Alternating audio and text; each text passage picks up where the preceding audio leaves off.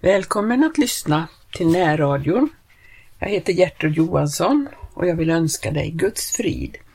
Och jag tänker i det här programmet fortsätta läsa ur boken Ett lyckligt liv utav Rolf och Lina Wiström. Och jag börjar där i kapitel 5. Oförbehållsam ursäkt. Bekännelsen för människor hade en mäktig förlossande och befriande verkan på våra liv. Då jag gick till skolan nästa morgon var jag fylld av ny kraft. Jag kände det som om broarna bakom mig var brända. Jag var en kristen och ville ta konsekvenserna av det på min arbetsplats. Det var inte lätt. Jag visste att ett trettiotal elever under varje lektion skulle noga ge akt på hur mina ord och handlingar och hela mitt beteende stämde med den kristna läran. Jag visste också att det inte går att lura barn.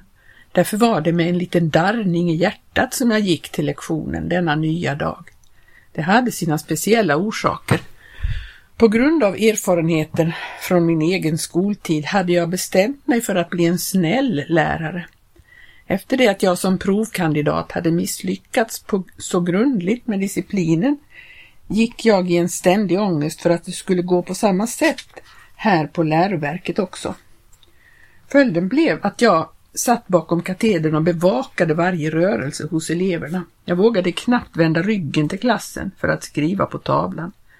Om jag hörde det minsta ljud vände jag mig plötsligt om och slog ner på syndaren eller en oskyldig. Mina ansträngningar till trots var disciplinen dock inte alls som den borde vara. Jag hade ofta en känsla av att jag kämpade mot övermakten. Men då slog jag näven i katedern så bläckhornet hoppade och eleverna blev förskräckta. Men det fanns alltid någon som satt där med ett litet leende. Det finns ingen diktator i världen som kan få bort detta lilla leende. Då det hände kände jag mig dum och avslöjad innerst inne. När jag sen gick hem från skolan var jag utmattad och led på det hela. Jag längtade efter en liten stilla skola på landet med snälla väluppfostrade barn, där läraren kunde vara mild och faderlig. Ibland drömde jag om nätterna att eleverna bråkade och väsnade så jag inte kunde höra min egen stämma. Till slut sprang de över bänkarna, vältrade omkull stolarna och stormade hojtande ut ur klassrummet, ut i friheten. Sen sprang jag i de tomma ödsliga gångarna och försökte leta reda på dem, men jag fann dem inte. Det var min mardröm. Jag gick med en hemlig fruktan för att den skulle bli verklighet en dag. Den första dagen gick det bra. Eleverna låtsades i alla fall inte märka att de hade hört något om min bekännelse kvällen förut. Och ingen av kollegorna sa något fastän jag förmodade att det hade blivit känt. Sådana nyheter brukar sprida sig hastigt och skolan låg i närheten av kyrkan. De följande dagarna ansträngde jag mig av alla krafter för att inte bli irriterad och arg. Det var fortfarande ingen som frågade mig om min nya inställning och jag började känna mig mer säker. Då två veckor hade gått hände det i början av en lektion att två flickor pratade med varandra så jag blev störd i undervisningen. För att inte falla i min gamla synd gav jag dem ingen uppsträckning utan låtsades som om jag inte hade hört det. Flickorna kände sig strax tryggare och fortsatte under lektionen att sticka huvudena samman. Men jag bestämde mig för att inte bli arg och fortsatte undervisningen med stark röst för att dämpa den växande irritationen inom mig.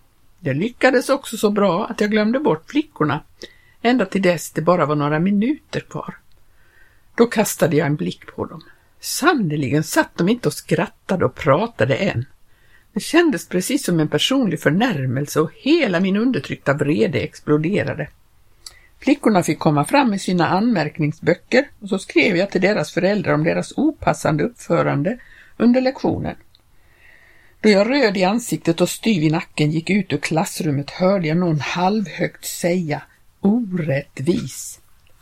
Det lilla ordet sved som en pisksnärt, men jag brydde mig inte om det utan fortsatte den långa korridoren till lärarrummet medan jag försökte ta på mig den mask jag brukade ha bland kollegorna.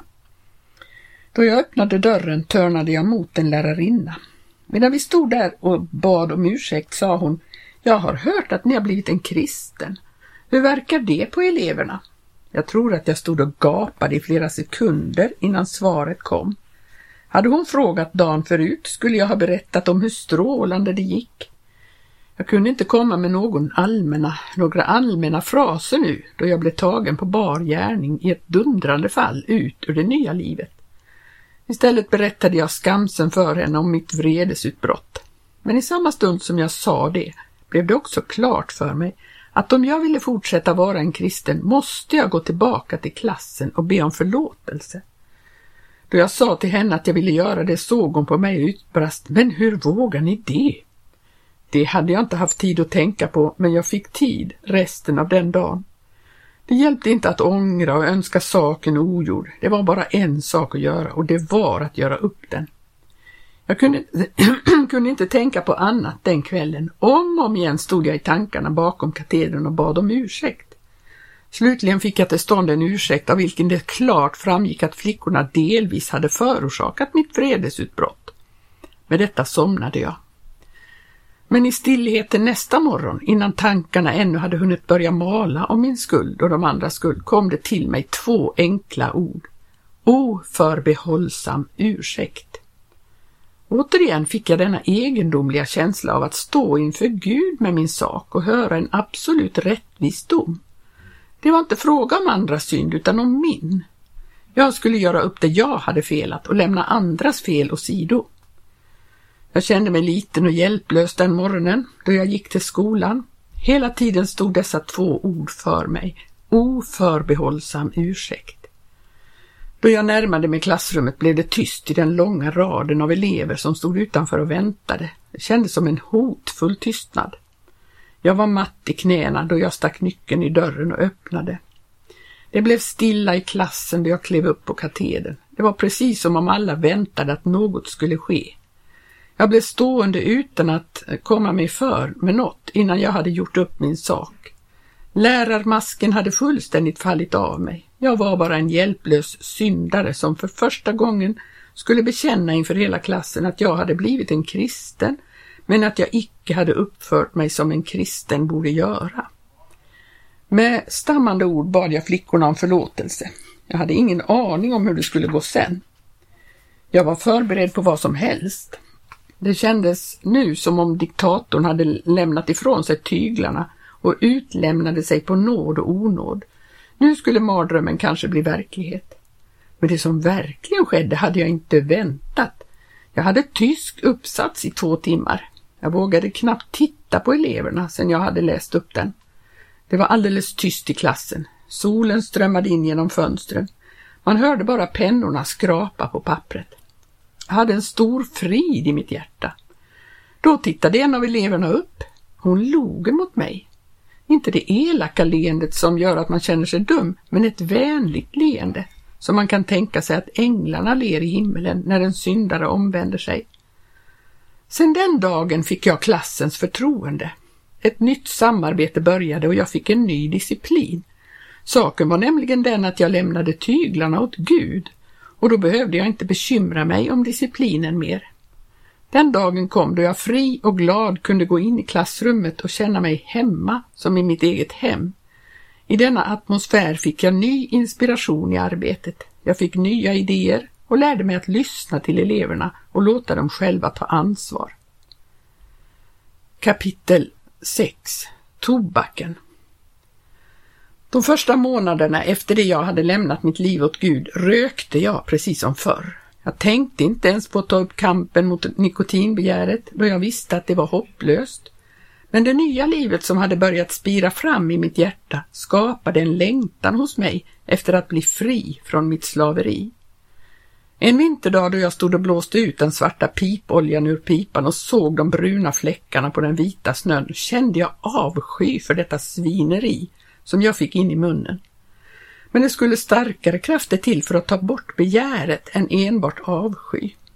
En annan gång var jag på ett möte och skulle vittna. I den ena fickan hade jag Nya testamentet och i den andra hade jag tobaksasken.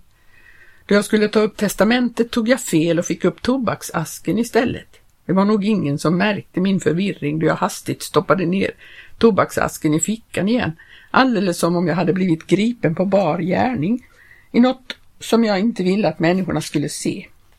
Nu rökte jag inte alls i smyg, jag hade inte heller mött någon som ansett det opassande att jag rökte. och som hade försökt att omvända mig från tobaken.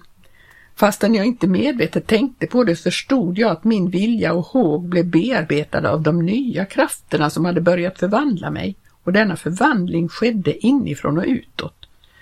Jag märkte det på så många detaljer. När jag om morgonen hade en liten tid och gärna ville läsa något i testamentet hade jag faktiskt att välja mellan pipan och testamentet. Jag valde alltid pipan först. En söndag morgon för snart 13 år sedan satt jag och läste i testamentet medan tobaksröken stod som en sky omkring mig. Jag hade redan kommit till den tredje eller fjärde pipan. Det var egentligen bara den första pipan som verkligen smakade och sen gällde det bara att få in det kvantum av nikotin som kroppen hade vant sig vid och det gick nästan automatiskt. Jag tänkte inte alls på tobaken då min syster sa Det är förskräckligt vad du röker idag Rolf. Jag förstod att hon var rädd om min hälsa. Därför svarade jag helt kort att jag mådde så bra och fortsatte mitt bibelstudium och min rökning. Men detta som under en lång tid hade verkat i mitt hjärta blev nu så starkt att jag inte längre kunde uppfatta vad jag läste. Och jag hörde en stämma som började tala i mitt inre, mycket fint och mycket klart. Vill du sluta att röka? Ja, visst vill jag det, tänkte jag, men det är just vad jag inte kan. Mitt svar lugnade mig inte och stämman kom åter. Vill du sluta röka? Det var precis som om den inte alls hade hört vad jag svarade. Det hjälpte inte hur mycket jag försökte att komma undan frågan. Den kom åter. Till slut grep den hela min varelse så att jag satt i stolen och skakade. Ett sällsamt ljus föll över mitt inre och jag fick se att jag satt och ljög för mig själv. Det var inte sant att jag ville sluta röka. Jag älskade tobaken. I samma ögonblick förstod jag att om jag av hela mitt hjärta ville så skulle jag bli fri i samma stund. Men jag visste också att detta inte var något experiment. Om jag i detta ögonblick lämnade tobaken var det för alltid. Spänningen var så stark att jag kände det som om jag stod uppe i ett högt torn och skulle kasta mig ut i luften. Den kraft som redan länge hade verkat på min vilja tog den nu helt i sin makt. Jag vet inte om jag ropade högt, men det kom ett ja från djupet av mitt hjärta så jag tyckte det ekade ända in i himlen. Samtidigt strömmade tårarna från mina ögon. Det gick ström på ström av kraft genom min kropp. Jag hade aldrig upplevt något liknande förut. Jag reflekterade inte då över vad som hände. Det var som om jag kom in under nya, både andliga och fysiska lagar. Det är inte rätt att säga att jag trodde att jag var fri, för jag visste att jag var fri. Fri för alltid. Då kom glädjen. Jag hade aldrig förr upplevt en sådan glädje. Det var slut på alla förödmjukelser som tobaksslaveriet hade fört mig in i. Det var slut på all kamp och alla hopplösa försök att själv göra mig fri. Det var som om själva tanken på tobak var bortopererad från min hjärna. Jag kunde inte sitta kvar längre. Denna glädje måste jag dela med min älskade. Pipa och tobak och alla grejer som hörde med till rökningen blev liggande kvar på bordet. Jag glömde att ta bort dem. De låg där i många dagar sen utan att jag märkte dem. Det var ett grundligt verk som hade skett med mig. Det var inte som alla gånger tidigare när jag hade försökt i egen kraft att sluta. Då började jag med att kasta pipan och tog bort allt som påminde om lasten, men det hjälpte inte för lusten fanns kvar i hjärtat. Nu däremot var lusten borttagen ur hjärtat. Då jag gick ut ur staden den morgonen hade det fallit nysnö. Jag tyckte aldrig hade sett snön så vit som den dagen. Det berodde nog på att mitt hjärta var rent. Hela vägen gick jag och tackade Gud. Det ville inte ta slut. Tacksägelser bara strömmade ut från hjärtat. Denna ström av tacksägelser fortsatte faktiskt i omkring 14 dagar. Även när jag gjorde mitt arbete och talade med andra människor var mitt hjärta fullt av tacksägelser. Kapitel 7 Glömda fiskar dyker upp. En kväll satt jag och läste den salmen som Hans Nilsen Hauge sjöng då han gick på åken och plöjde. Efter många år av syndanöd och förtvivlan fylldes han där på åken av Guds kraft så att hans hjärta höll på att sprängas av glädje. Han fylldes med den stora kärlek som överbevisade människorna om att de behövde Gud. Han vandrade till fots genom hela det långsträckta landet och Guds rike uppenbarades bland folket.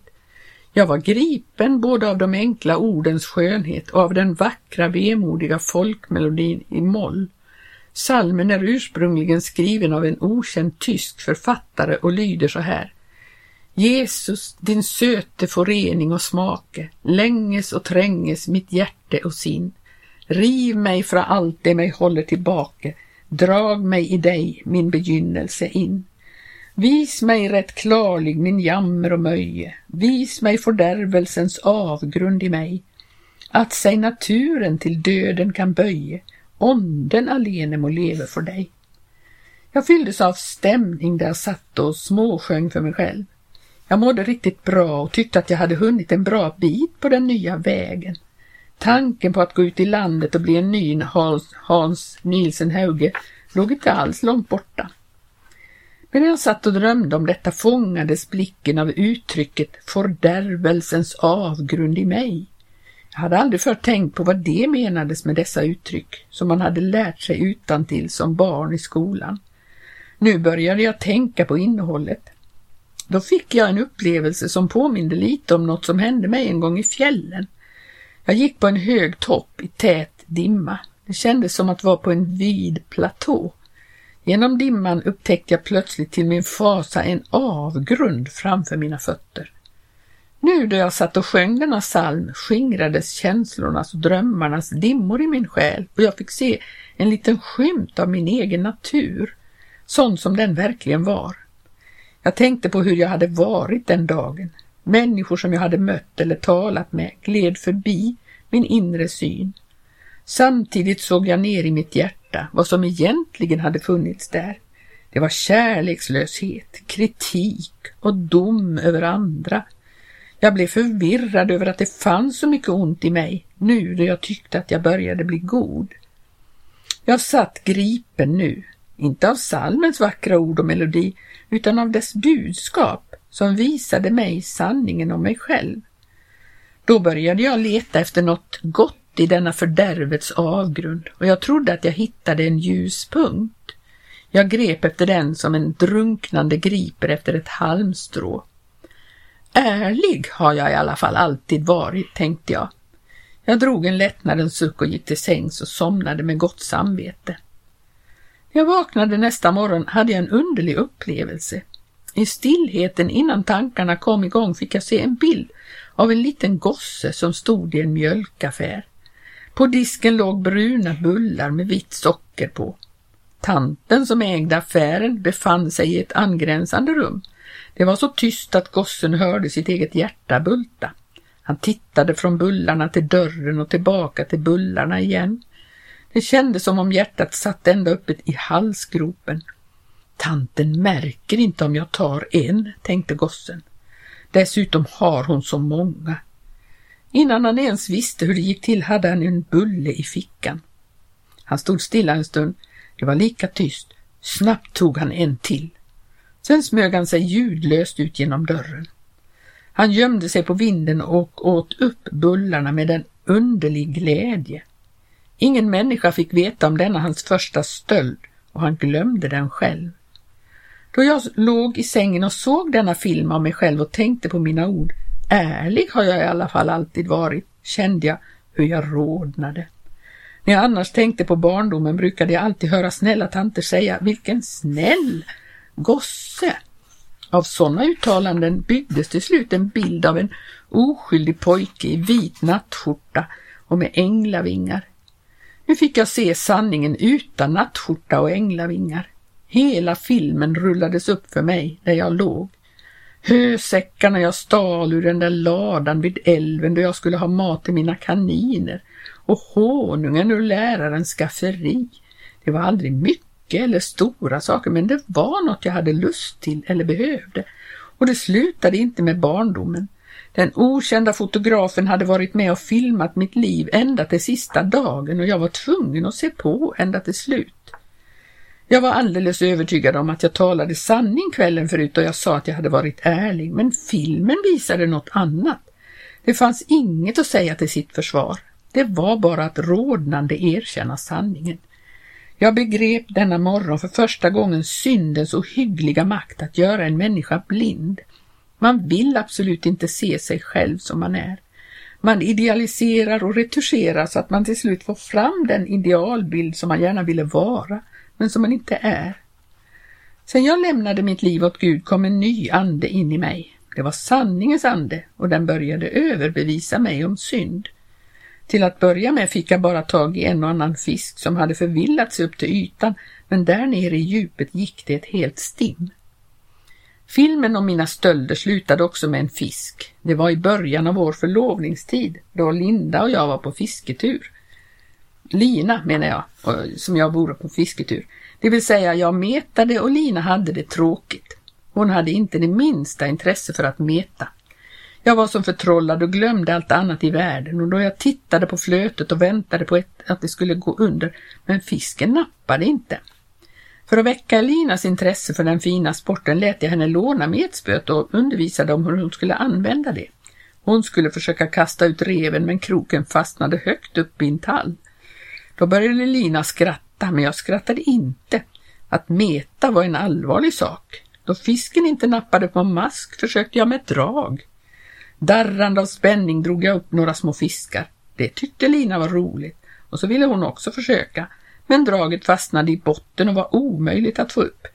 Då blev jag så förbittrad att jag dök ner till botten och fick draget loss under det att jag nästan höll på att kvävas. Då jag stack huvudet upp ur vattnet mötte jag, möttes jag av Linas glada skratt. Äntligen hade hon fått det roligt på denna tråkiga fisketur. Skratta inte, sa jag, det är ju fisken vi ska leva av. Då skrattade Lina än mer för det var inte alls sant att vi skulle leva av fisken. Det sa jag bara därför att jag kände mig som en riktig fiskare. Då vi hade kommit till platsen hade jag sett två karar i en båt lägga ut ett nät i viken. Nu kunde jag inte låta bli att undra på om det var fisk i nätet. Till slut blev min nyfikenhet för stark och jag vadade ut i simbyxorna och tittade efter. Två stora abborrar hade fastnat i nätet. Fastän det var alldeles meningslöst började jag vrida loss den ena fisken. Då hörde jag Lina ropa från stranden. Vad gör du Rolf? Tyst, skrik inte så högt, sa jag, fastän det inte fanns en människa i närheten. Hon tittade förvånad på mig då jag vadade i land med fisken i handen. Har du tagit den där fisken som inte är din, sa hon, skamsen om mina vägnar. Jag blev arg och svarade det skulle vara förbjudet att sätta ut nät här. De tar ju all fisk så att en annan inte får någon. Jag stekte min fisk och åt den och tyckte den smakade bra. Den var inte så välsmakande denna morgon då jag fick se hela scenen för mig igen. Nu då jag hade fått se mig själv i Guds ljus så kände jag mig som en hycklare inför mina kristna vänner. Här gick de omkring och trodde att jag var mycket bättre än jag var, men jag ville inte vara en hycklare. Jag ville att vännerna skulle veta sanningen och då vi möttes på kvällen så talade jag om för dem hur jag hade lurat mig själv när det gällde den absoluta ärligheten. Det var förfärligt svårt att göra det och kände hur idealbilden av mig själv blev riktigt krossad under denna förödmjukande bekännelse. Men då det sen var gjort blev jag fri och glad. Jag kunde titta alla människor ärligt i ögonen, för jag hade inget att dölja. Jag upplevde också hur gemenskapen växte. Det var det härligaste i detta nya liv att få gemenskap med andra människor. Jag hade alltid haft svårt för det. Det var bara mot några få vänner jag kunde vara öppen och naturlig. Annars kände jag mig stel och bunden och fick lätt antipati mot människor som jag fruktade kunde genomskåda mig. Men då jag bekände hurdan jag egentligen var föll stelheten av mig, ty då hade jag ju inget att frukta. Det mest karaktäristiska för det nya livet som började då jag lämnade mig åt Gud var att det alltid skedde något nytt. I det gamla livet hade jag ofta en känsla av att allt stod stilla. Den ena dagen liknade den andra. Allt var lika grått. Jag hade till slut upphört att vänta några överraskningar mer. Jag kände mig själv och visste på förhand hur det skulle gå. Glädjen försvann allt mer. Livslusten sinade ut. nu gick jag på en ny väg. Jag kände hur jag steg för steg kom närmare målet. Jag visste att det fanns där framme fast det än så länge var dolt för min blick. Det var inte ett mål jag själv hade valt men den väg jag hade kommit in på ledde dit. Det enda jag kunde göra var att fortsätta att gå. Vid den tiden blev det klart för mig att det gällde liv eller död när Gud talade om ett nytt steg. Hela min teologi blev förenklad till att säga ja till Gud. Och Gud talade till mig precis som jag gick och stod mitt i vardagslivets jäkt. Det var det som gjorde livet så spännande. Jag hade gått i skola många år av mitt liv, men nu kom jag i Guds skola och Gud fostrade mig till realist. Jag fick inte drömma eller spekulera bort mig. Gud tog mig kärleksfullt men fast i nacken och visade mig steg för steg. På detta sätt lärde jag lydnad. Det behövdes för jag var van att lyda mig själv och göra det jag hade lust till. Nu fick jag göra det Gud ville. En direkt följd av denna lydnad var att min tro växte. När jag hade gjort en sak Gud ville så visade det sig att det var rätt. På detta sätt byggdes min tro upp. Inte på teoretiska dogmer utan på erfarenhetens väg. Gud, Guds uppfostringsmetod tilltalade mig mycket därför att den svarade mot vetenskapsmannens förfaringssätt. Genom oändliga tålamodsprövande experiment hittar man lagarna och om man på spekulationens väg har kommit fram till en lag så måste den prövas så att man ser om den håller streck. Jag hittade en sån lag i Bibeln i Johannes 7 och 17.